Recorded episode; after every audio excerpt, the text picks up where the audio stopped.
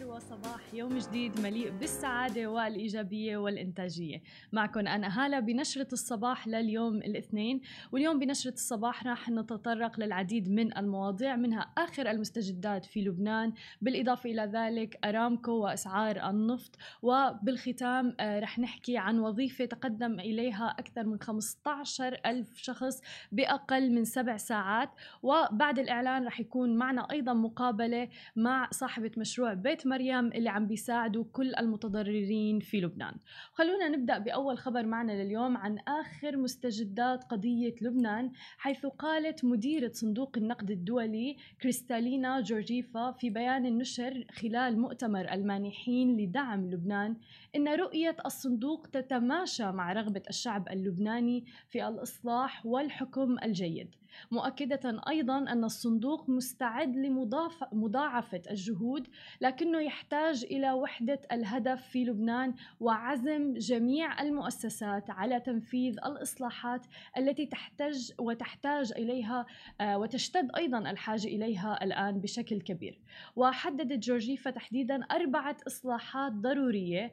أولها استعادة الملاءة المالية العامة وسلامة أيضا النظام المالي في لبنان.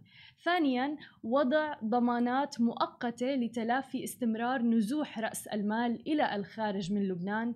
ثالثا خطوات مسبقة لتقليل الخسائر الممتدة في العديد من الشركات المملوكة للبنان. ورابعا وأخيرا ضرورة وجود شبكة أمان اجتماعي موسعة لحماية الأشخاص الأكثر ضعفا في لبنان. وأكدت أيضا في البيان أن الالتزام بهذه الإصلاحات سيطلق سراح مليارات الدولارات لصالح الشعب اللبناني مشيرة أيضا إلى أن هذه هي اللحظة التي يجب أن يتصرف فيها صناع القرار السياسي في البلاد بشكل حاسم. وهذا ما ينتظره كل الشعب اللبناني وكل الناس أيضا خارج لبنان. أملا في أن ترجع لبنان وبيروت كما كانت سابقا. وانتقالا إلى أسعار النفط وأسواق النفط أيضا حيث تراجعت تحديدا الأرباح الصافية لشركة أرامكو السعودية 73% على أساس سنوي بالربع الثاني من عام 2020 إلى 24.6 مليار ريال. بالمقارنة مع نحو 93 مليار كانت قد سجلتها الشركة في الربع الثاني من عام 2019 وأعلنت الشركة عن توزيع أرباح نقدية للمساهمين بقيمة 70.32 مليار ريال عن الربع الثاني من عام 2020 موضحة أيضا أنه سيتم دفعها في الربع الثالث.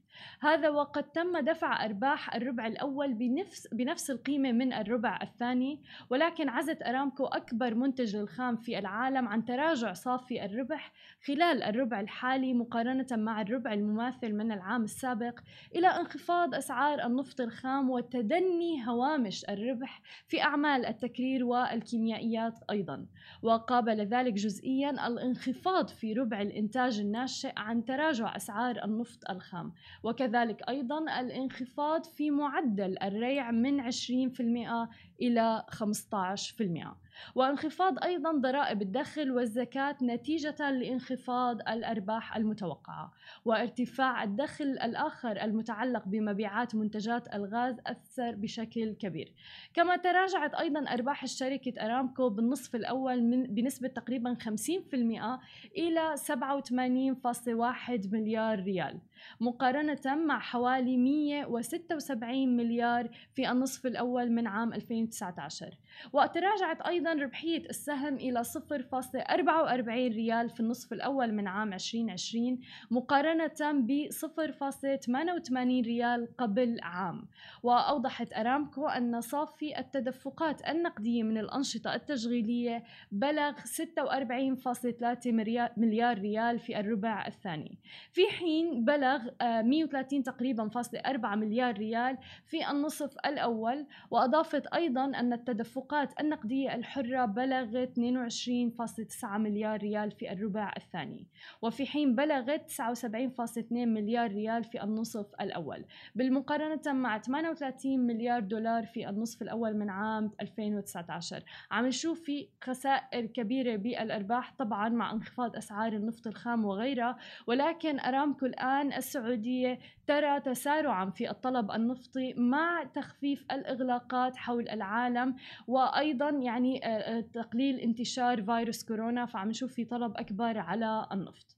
وفي الختام وخبرنا الأخير طبعا جائحة كورونا أثرت بشكل كبير على الاقتصاد العالمي وأدت أيضا إلى تجميد عجلة الأموال مما أدى العديد من الشركات للاتجاه لتخفيض التكاليف وأيضا تسريح الموظفين.